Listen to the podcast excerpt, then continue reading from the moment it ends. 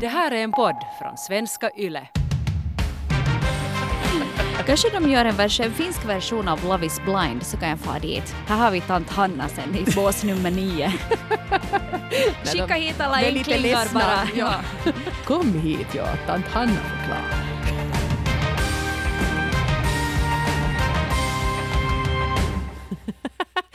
Relationspodden Norrena och Frans här. Idag ska vi klart och tydligt ställa frågan är det möjligt att bli kär i någon som man aldrig har sett? Det är inte möjligt, säger jag. Okej, Ja. tack för att ni typ- Nja, vi har ju låtit oss inspireras nu här faktiskt av en tv-serie som, som är en stor snackis just nu. Men eh, det kan jag också säga att, att eh, jag som har sett hela den här serien, en reality-serie, lovar att vi kommer inte att spoila hur det går på slutet. Så att du som ännu har det här framför dig behöver inte vara orolig. Vi kommer att prata ganska sådär grundläggande om Netflix-serien Love is blind. Som du inte har sett, Hanna. Nej, men jag har förstått, jag har sett reklamerna för det här och, och, och det går väl ut på det att man dejtar människor utan att träffa dem personligen. Att man typ sitter bakom en skärm. Det är lite som napakympi, bara att anno 2020. Ja, precis. Ja, napakympi eller vem tar vem. Men lite mer sådär avancerat. Eh, sådär på pappret, alltid när man ska förklara det här konceptet så blir jag sådär att det låter ju inte alls på något sätt nyskapande och det låter ju som någonting man har sett förr. Men det är ju ett sånt här bachelor-upplägg. Men grejen är att de här parerna, det är lika många män och kvinnor då, de bor separat. Eh, men de dejtar varandra i sådana här poddar som de kallar Alltså inte podcasts utan sådana små rum var de sitter då och kan prata, diskutera, umgås, lära känna varandra. Men det är en vägg emellan. Så man får liksom höra den andras röst. Man uppfattar ju säkert lynne, humor, allt möjligt sånt. Har man liksom ett bra tugg med den här personen. Men de ser inte varandra. Och sen för att det här nu är sådär ultraamerikanskt så ska det ju också vara då så att mannen friar till kvinnan och om hon säger ja, så då är de förlovade. Och då får de se varandra och de ska också gifta sig om några veckor. Det ska ordnas ett bröllop. Hemskt Så att- upplägg alltså. Nå, ja, nå, det där med, med förlovningen och giftermålet tycker jag vi lite grann kan bortse ifrån. Men det som ju har blivit den stora, det stora samtalsämnet apropå den här serien är att de här människorna faktiskt blir superkära i varandra före de ser varandra. Jag måste kanske lite ta tillbaka till det att man inte kan bli helt kär. Eller ja, jag tror att man kan inte bli riktigt sådär jätte, jättekär. Men jag tror nog man kan bli förtjust. För jag kan ibland bli förtjust i vet, sådana telefonförsäljare. Eller någon som ringer från eh, vet du, teleoperatören som har en ljuvlig röst och pratar på ett härligt sätt. Så Jag nog köper bli- allt du erbjuder. Ja, så jag behöver lite själv. flera tidningar. Jo, vad kan du erbjuda? Ja, nej, men jag vet. Ja, kanske man, kan- liksom, man kan bli nog förtjust i den här rösten och Ja. den där humorn. Att om man märker att, någon, någon liksom, att man synkar med någon. Men du brukar Hanna säga att du är väldigt utseendefixerad. Eller jag, jag menar, du, Det låter jättesympatiskt. No, det låter lite sådär. osympatiskt men, men jag förstår ändå vad du menar att nu är ju ändå det där utseende en issue. Om man tycker att nej det här skulle jag aldrig kunna orka se på varje morgon när jag vaknar så nu är det ju klart att man gallrar bort sådana personer men skulle du våga vara med i ett, ett sånt här upplägg? No, jag, jag tror ju inte det.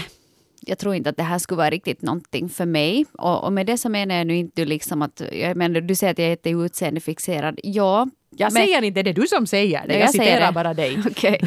Ja, men alltså på det sättet, utseende är väldigt viktigt för mig och det betyder inte att någon måste vara liksom supersnygg. Det är inte det jag menar. Vet Mm. du med det där att, att man måste se ut på ett visst sätt, att det ska vara en, en dressmanmodell. Det får gärna vara det, men det behöver inte vara det. Det kan också vara någonting helt annat. Men det är någonting med liksom att du träffar varandra, den här kemin som finns mellan två människor. Det kanske liksom mera det som jag tror att man inte kan eh, få, få en bild av förrän man träffas personligen. Mm. Så, så jag vet inte, jag, jag, ställer mig mycket tveksam till att vara med i någonting sånt här. Men kanske det är just därför som jag borde göra det. Nå, just ska Sådär. vi säga att den här reality-såpan är de ju castade de där människorna så att alla är jättesnygga. Så det skulle säkert Ja. kännas ganska tryggt i alla fall. Man vet att de har ju bara plockat nu liksom de, de snyggaste de kunde hitta. Vilket i och för sig gör det lite ointressant också för att nu skulle det vara väldigt spännande om, om du till exempel nu Hanna Norrena som brukar gallra bort korta män Ja. ska hitta en fantastisk kar. Han är ljuvlig, han är rolig. Liksom du, du känner hans röst får dig liksom gör dig knäsvag och så går ridån upp och då visar det sig att han är 1,60. Ja, då är det hej då. Ja, Sorry. det är det. Nej, Oj, oj. jag, jag, jag måste säga, kanske längden är nog någonting. Det är en dealbreaker för en mig. dealbreaker Alltså, jag, jag är jätteledsen nu. Det här låter hemskt. Men det är sant. Och ibland är Mm. de, de värsta sanningarna äh, hemska. Men, men för mig är det någonting som är väldigt viktigt. Jag tycker, jag menar jag har redan två barn. Jag tycker att om jag skulle ha en partner skulle jag vilja att han skulle känna sådär. Det är säkert någonting vet du, väldigt sån här djuriskt inom mig. Att man vill känna sig lite beskyddad av att den här mannen är lite fysiskt större än vad jag är. Okej. Så, så, så det är nu bara så som det är. Just det. Nå, Men sen finns det ju annat. Jag, menar, jag sa just om det här med kemin att jag tycker att det är väldigt viktigt. Vet du, kanske sättet du ser på varandra eller hur han för sig eller hur han, hur han är. Och, och, och sen en sak faktiskt också, vi slängde ut den här frågan också på, i vår Facebookgrupp, Norrena och Frans. Så där var det också Jenny som sa att, att hur ska man kunna gifta sig med någon som man inte vet hur den doftar? ja. Och, och det där kan ju också vara, för många är det jätteviktigt att vet du vilken odör det kommer från den där Jag människan. Och jag helst lite- ingen odör alls förstås, utan att det är något Men jag ljuvligt. tror att jag lite är en sån faktiskt. Att dofter är jätteviktiga. Att om han skulle se ut som liksom en Adonis men lukta konstigt så skulle det vara ett stort problem för mig. Och det betyder ju inte att, jag menar dålig hygien är ju inte sådär någonting man, man uppskattar men det kan man ju åtgärda. Jag menar man kan ju st- stoppa honom i duschen och lukta på nytt. Men det där att det luktar främmande, jag tror att det där har liksom, det där, det där är avancerad kemi det där att en del dofter helt enkelt tilltalar en och andra liksom känns konstiga. Men inte det där, vad, vad är det, feromoner? Det är väl det. Eller, Ja. eller något sånt här. Alltså den där naturliga doften som Ja. en människa har utan då alla duschkrämer och schampon och, och, och, sån här Och det är ju inte man nödvändigtvis att man luktar illa, men man luktar liksom fel. Ja. Ja. Jag föredrar ju nog att om någon doftar schampo och, och duschkräm. Ja. Hellre, hellre att man känner Man deras får väl ha en naturliga liten sprayflaska med väldoft med. Helst, Ja. helst måste jag Ja. säga. Ja. Ja. Men, men det är ju sådana många saker som kan avgöra där som jag tycker att man bara kan då sen ta ställning till då man träffas personligen. Men äh, det finns ju nog flera som har, som har kommenterat det här.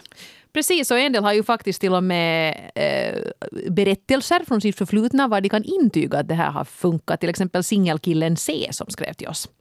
Jo, visst kan man bli lite kär utan att ses. Det här hände mig många årtionden sen när denna fröken X var min kontakt för ett utlandsprojekt som firman då hade. Vi ringdes ganska ofta i månader innan projektet skulle äga rum och då skulle jag också befinna mig där i fem dagar. Denna snabbreplikerande, halvhesa honungsröst tände mig redan efter några samtal och när jag sen i sinom tid uppenbarade mig på hennes kontor så blev saken mycket fort klar, snabbare än någon av oss hade väntat sig. Mitt hotellrum var genast från början bara ett dagkontor. Nätterna sov jag nämligen in till henne. Vi hade nog båda fått kärleksgnistan att tändas redan under våra projektsamtal och sen var det bara att köra när vi sågs. Dessvärre blev det av alla praktiska skäl inget av fortsättningen. Jag befann mig i sista valsen av mitt äktenskap och hon hade också någon på gång där utomlands. Men ett härligt minne för resten av livet det fick jag och jag hoppas att hon också fick detsamma. Så skriver singelkillen C. Mm. Steamy. Steamy, ja. Och, och intressant det där med att om man nu faktiskt... Det, det händer väl ändå ganska sällan, åtminstone på arbetsplatser, att man ser någon och säger att wow, nu ska vi dela hotellrum. Eh, men om man faktiskt har månader av diskussioner och man har märkt att vi har världens bästa vibe och så ses man och inser att oho, att det här funkar också. Så då går det ju snabbt. Ja, då är det, då är det bara att tuta och köra. Vilken härlig grej. Och sen tycker jag också det där, jag tror att singelkillen ser lite inne på det där samma som jag var med mina, mina telefonförsäljare ibland. Att man blir sådär förtjust i en röst, för det kan man ju bli. Och, det, och vissa Jag kanske, ser bara framför mig hur så att, nej men berätta mer, får man någon present om man abonnerar på den här tidningen? Aha. aha, aha, aha. Han läser tappert och tycker att wow, här Ja. kommer jag ju att sälja. Och sen, sen när du har suttit där i 15 minuter så är det så här, men jag tänker säga nej. Ja, tyvärr. Men vill du ha mig? Nej. Vill du ha mitt, ja men du har ju mitt nummer. Du kan ju ringa från din egen telefon. Det har faktiskt inte ännu hänt. Men det är ett bra tips nu när du säger det. Där ser du. Ja, men då vet jag inte sen att om det är Quasimodo som kommer upp ur telefonväxeln. Mm, Usch vad hemskt. kanske det är bara jättekorta män som sitter där och ringer. De som inte man tänker sätta i en butik och jobba. Usch vad jag låter hemsk idag. Vad är det med mig? Jag har inte sovit. Kanske det är därför. Nej, det, det är lugnt, det är lugnt. Men uh, Jenny skrev i vår Facebookgrupp att hon har haft tre förhållanden och två av de här så har hon lärt, lärt känna textledes. Det första per brev, för det här var då före det fanns internet och mobiltelefoner. Och de, den andra framförallt via chatt. Men jag hade båda, då träffat de båda som flyktigast innan vi började korrespondera. Så att någon form av attraktion hade nog hunnit byggas upp. Men det hon vill säga här är att det här med att lära känna någon per text det är fullkomligt livsfarligt. Det är fantastiskt att märka hur ett oskyldigt samtal så småningom får flirtiga undertoner och allt som är antytt och undertryckt är egentligen explosivt erotiskt. Uh. Ja. Men det där, kan, det, där, det där kan jag nog förstå på något sätt. Jag, I något skede har varit mer i någon datingperioder där du chattar då via någon typ av applikation eller någon, någon nätsida eller någonting sånt här. Så det kan ju bli som att, att den där relationen växa fram för snabbt trots att du aldrig har träffats. Ja. Och sen när du träffas så är det ju underligt att om du sen har börjat skicka en massa flirtiga och menande meddelanden åt varandra och sen är ni fullkomliga främlingar när ni träffas. Det känns ju som att man hoppar över flera olika faser. Och jag som är bra på att skriva, jag tror att jag skulle kunna vara jättemycket sexigare i text än in person. No, det tror jag väl nu inte. Du har ju ditt klevage du kan komma med sen Mitt klevage, man kan skicka en bild på sitt klevage så är allt klart tydligt. Nej. Nej men jag menar, som, som vi har sagt att jag är jättedålig på att flirta men jag är ganska bra på att liksom flirta i text. Inte brukar jag nu göra det för att jag är ju liksom gift och så vidare. Ja. Men jag är mycket fyndigare och roligare och så verkar man ju kvick för man hinner ju fundera först innan man liksom kommer med sin replik. Men du, men du är bra på det där och jag skulle på, våga påstå att jag själv också är bra på att uttrycka mig i text. Men sen stöter man ibland på de här typerna som inte kan uttrycka sig i text överhuvudtaget. Fast Ja. de kanske personligen är väldigt verbala och underhållande och roliga och så här. Så är de de här typerna som skriver OK, ingen punkt. I, i meddelande. Och vet du, sånt så går ju bort direkt för att man får ju liksom inget grepp om såna typer. Ja, nej det är nog knepigt. Det måste jag nog säga, om du säger att längd är en dealbreaker för dig så jag tror faktiskt att humor är en dealbreaker för mig. Att om man skulle försöka dejta någon som inte alls förstår min briljanta humor, då skulle det, det skulle inte gå. Nej. Sen kan han liksom vara hur liten eller... En liten pygmé. Det är riktigt bra. En liten sexig pygmé. Funkar fint för mig, bara han är rolig. Ja, bara han är rolig. Ja. Han är gola. Får dig att skratta. Ja, men det skulle vara liksom om man märker att, att varje gång jag, jag skämtar och han skulle vara så att "Vem- vad menar du? Så det skulle vara så att nej, det går inte. Ja. No way. Nej, det, det är nog något av det pinsammaste man kan vara med om. Men det är sant det här som hon säger att, att texter kan lätt spåra ur. Och då Ja. vet man ju inte riktigt vad man har gett sig in på. Och har den andra också upplevt den här diskussionen som explosivt erotisk? Eller är det bara man själv? Det är Ja. svårt att avgöra. Det kanske är den här chardonnayn har någonting med saken att göra sen då. No, det är ju det som är så roligt också med det här Love is blind, att de är ju de är faktiskt kackafulla emellanåt. De får dricka hur mycket vin som helst medan de sitter där, en del dricker väldigt, väldigt mycket vin och så sitter de ju i timtal där och pratar. Det är ett ganska kul koncept för att de går ju snabbt från det där om man liksom går på dejt med en människa man inte har träffat förr så kanske man klär upp sig hemskt mycket och är lite sådär jag menar mån om att framstå som snygg och, och, och, och behagande. Men de här går ganska fort liksom till typ date 10 i mysbyxa Just det eftersom de inte behöver bry sig om hur de ser ut, för den andra ser inte dem. Jag tror jag ska vara lite nojig. Tänk, att- tänk om det ändå syns någonting genom den här väggen. Och här ligger jag i mina joggingbyxor och Men jag tycker hår. dessutom att alla de där blir mycket sympatiskare på de där dejterna när de så halvligger på soffan med en öl i handen. Men kanske man blir mer relaxed. Mm. Det kan jag nog förstå. Och då kanske det är mera den där sanna personen som kommer fram än den som man är när man går på träffas på en bar och, och har fyra lager spanks på sig. Mm. Och det är svårt att komma ur dem sen, vet du, om det, om det är bråttom. Ja, fråga Bridget Jones. Gick inte bra. Hej hörni, eh, på vår Facebookgrupp så hade också Pertti kommenterat den här svårigheten och kanske också möjligheterna med att lära känna någon per text och via någon typ av applikation. Pertti skrev på vårt andra inhemska så jag har nu fritt översatt hans tankar till svenska. Han skriver så här. Jag tänker att det är en självklarhet att man kan bli kär utan att ha träffat den andra. Då man inte ser varandra så är det ofta lättare att vara ärlig och man lär känna varandra på ett djupare plan. Men samtidigt så finns det också en risk att man tolkar den skrivna texten fel då man inte hör tonfallet. Man filtrerar också det man läser genom sin egna sinnesstämning. En människas personlighet är viktigare än utseende och jag tror att vi dömer varandras utseende för lätt och för hårt nu för tiden. Och där har vi antagligen sajter som Tinder att skylla. En människas personlighet är trots allt viktigare än utseendet. En mycket bra poäng tycker jag att Pertti hade där. För att som han säger, de här olika datingapparna eh, man swipar säkert bort riktiga guldkorn där eftersom man så hastigt bara ska ta, ta ställning till det där utseendet. Mm.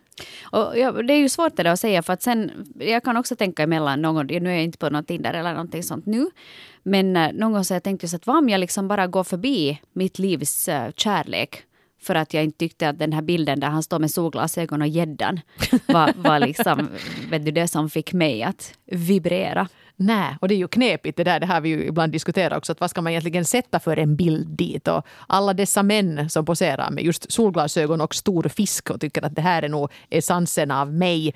Eh, solglasögon framför allt. Nej. Man vill ju veta hur du ser ut. Och sen också att om du är, är tunnhårig så ha inte en pipa på på alla dina bilder. För att om du är tunnhårig så i något skede måste du ta dig den där pipan. Det är lika bra att bara liksom komma ut med det direkt. Precis. Ja. Och är du 1,60 så kom ut med det också direkt. Mm. Så att Hanna inte så går att på en misstag, nitlott. Så att vi misstag träffas.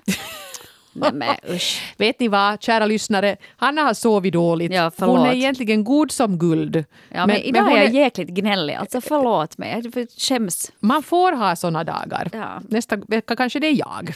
Mm. Jag tycker vi går vidare istället till, till flera berättelser. Vi gör det. Uh, Lovebird, 46, eh, som jag tror är en man. Ja, ja. Så i alla fall, jag gifte mig med en kvinna som jag träffat på en datingsida och vi hade nog utvecklat en stark kärlek redan innan vi träffades första gången. Nu är vi skilda, men eftersom vi ju faktiskt var gifta så är jag säker på att man kan om man verkligen vill. Alltså bli kär i någon som man inte ännu har sett.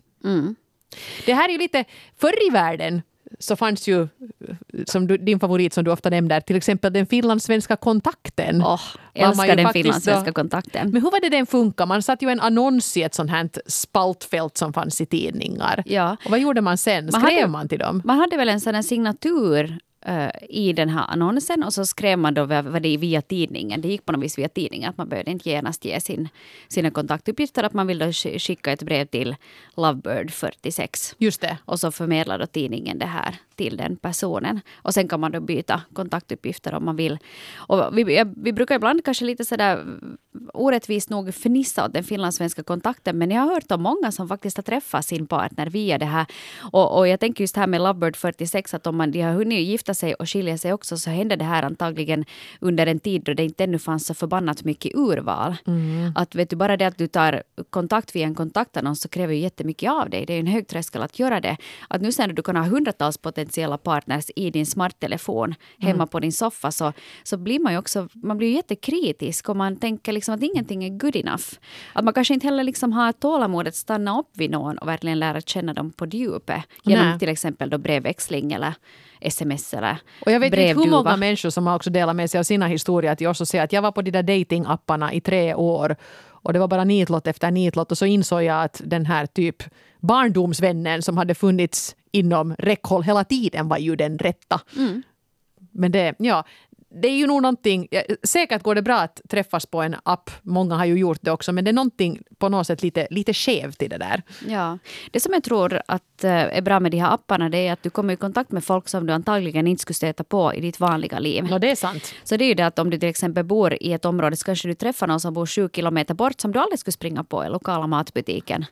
Eller som kanske bor 30 kilometer bort eller ännu längre. Men du skulle aldrig träffa den liksom sådär organiskt. Nå, det är ju det som de behövs för och det som är Ja. den stora, stora fördelen där. Men eh, det är nu den där utseende-grejen som är, är det, Mm. det knepiga. Att man kanske är så för snabb att döma helt enkelt.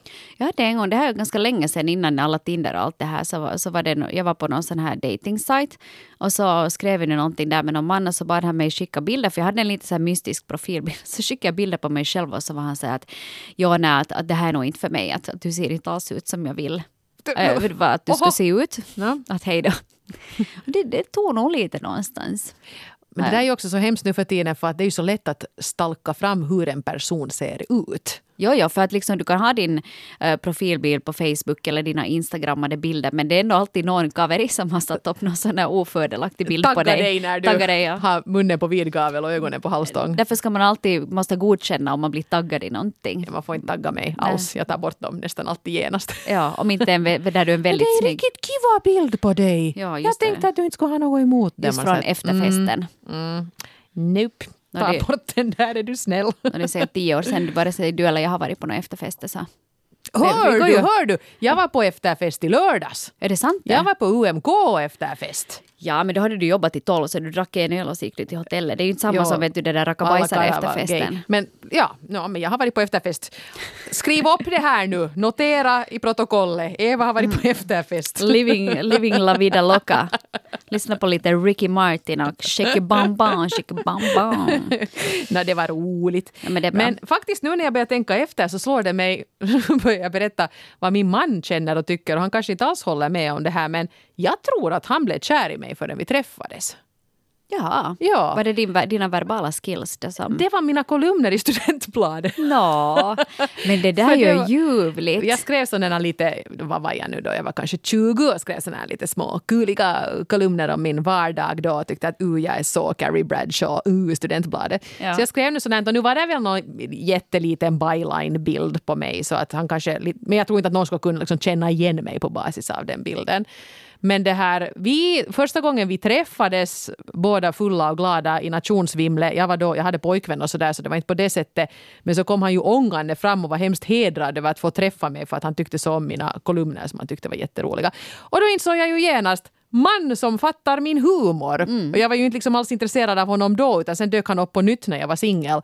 Eh, Men i alla fall, jag tror kanske att han blev lite attraherad före vi hade träffats.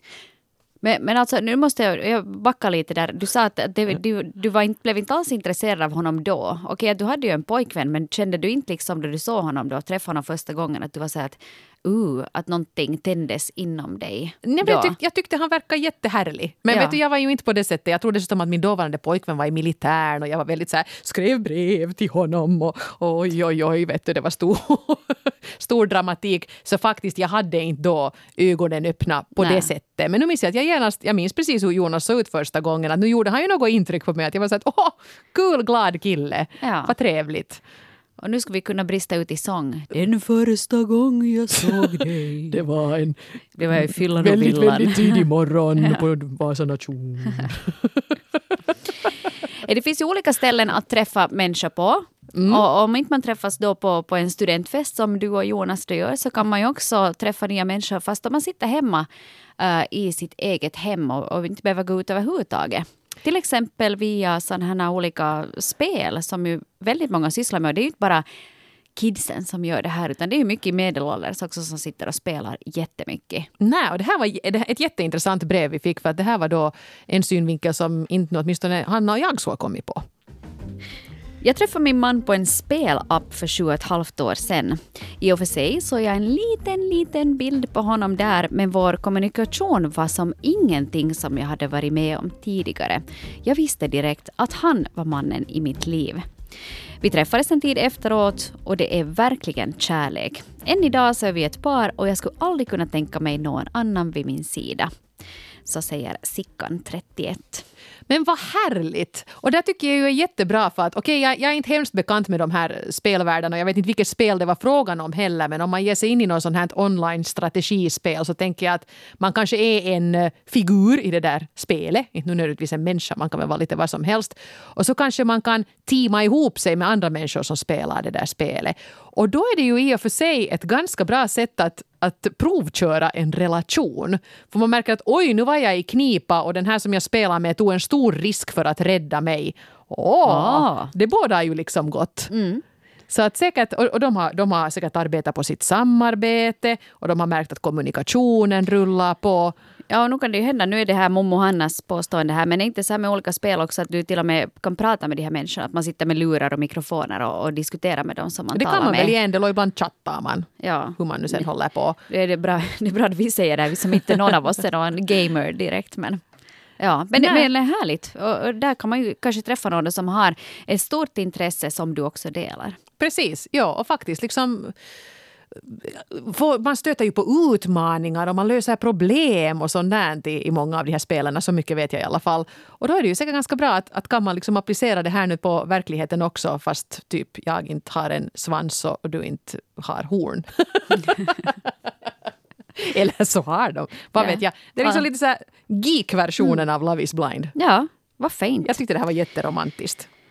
Hörni, för att det här inte ska bli för snuttegulligt nu så tycker jag också att, att vi behöver lyfta upp ett brev som har kommit in från en signatur som heter Medusa47 och jag tackar dig Medusa47 för att det här visar att jag är inte ensam och ni behöver inte kasta alla stenar på mig, ni kan kasta några på Medusa47 också. Eh, på frågan skulle du kunna bli kär i någon som du aldrig har sett? svarar Medusa47 så här. Ja, och det har hänt. Tyvärr så är jag så ytlig att om personen sen inte motsvarat mina förväntningar utseendemässigt så funkar det inte. Mm. Oj, vad du Haha. ser nöjd ut! Där ser man. Där ser man. Det är inte bara jag som är en ytlig människa. Ja. Nej, men nu är det ju klart att, att jag menar inte ska jag nu heller sitta här och påstå att oh, utseende spelar ingen roll alls för mig. Nu vet man ju det också. Och säkert om man har, jag menar det är ju sällan som en person ser ut precis som man har föreställt sig. Det här får vi ju ofta höra. Nu för tiden som radiomänniska så vet ju folk hur vi ser ut för att man kanske följer oss också på några sociala medier och sånt. Men då när jag började jobba här tidigt 2000-tal, nej herregud, sent 90-tal, jag är jättegammal, så blev jag hemskt förvånad när man kanske träffar någon här i korridoren och hälsar på den och man insåg att herregud, är det där den där? För man kände igen rösten men hade på något sätt föreställt sig något annat. Ja. Men, men det här, nu är det ju klart att om det är något, något helt annat och det här faktiskt som jag sa, någonting som du inte kan tänka dig att vakna upp varje morgon, så då är det ju ett problem. Ja, och inte det är ju sådär liksom utseende. Jag menar, ingen av oss är några supermodeller och, och det är inte sådär att någon annan, man kräver det av någon annan heller, men du skulle liksom tilltalas av den personens utseende. Och sen är det ju ofta det, tycker jag själv också, att, att då du tycker om någon så tycker du också om hur de ser ut.